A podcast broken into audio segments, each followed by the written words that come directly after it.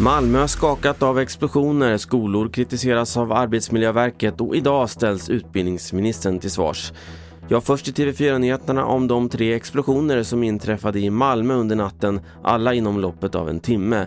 Explosionerna inträffade vid två flerfamiljshus och en livsmedelsbutik och två personer fördes till sjukhus även om det är oklart om det har med explosionen att göra.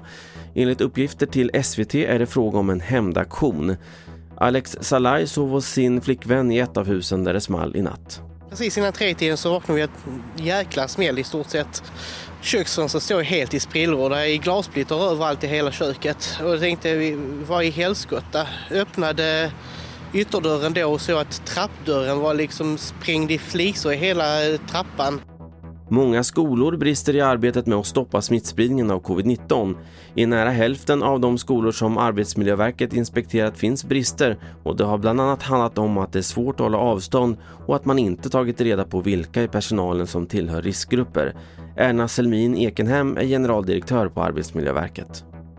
Det är viktigt att man tillsammans med, med sina skyddsombud går igenom ordentligt. Hur ser det ut på vår skola?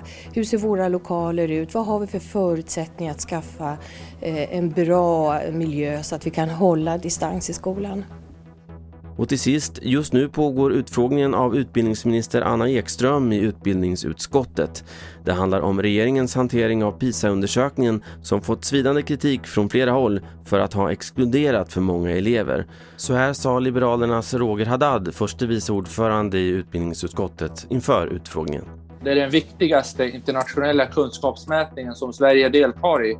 Och när dess resultat ifrågasätts, då är det viktigt att vi bringar klarhet i vilken roll regeringen har haft. Det var senaste nytt från TV4 Nyheterna. Jag heter Carl-Oskar Alsen.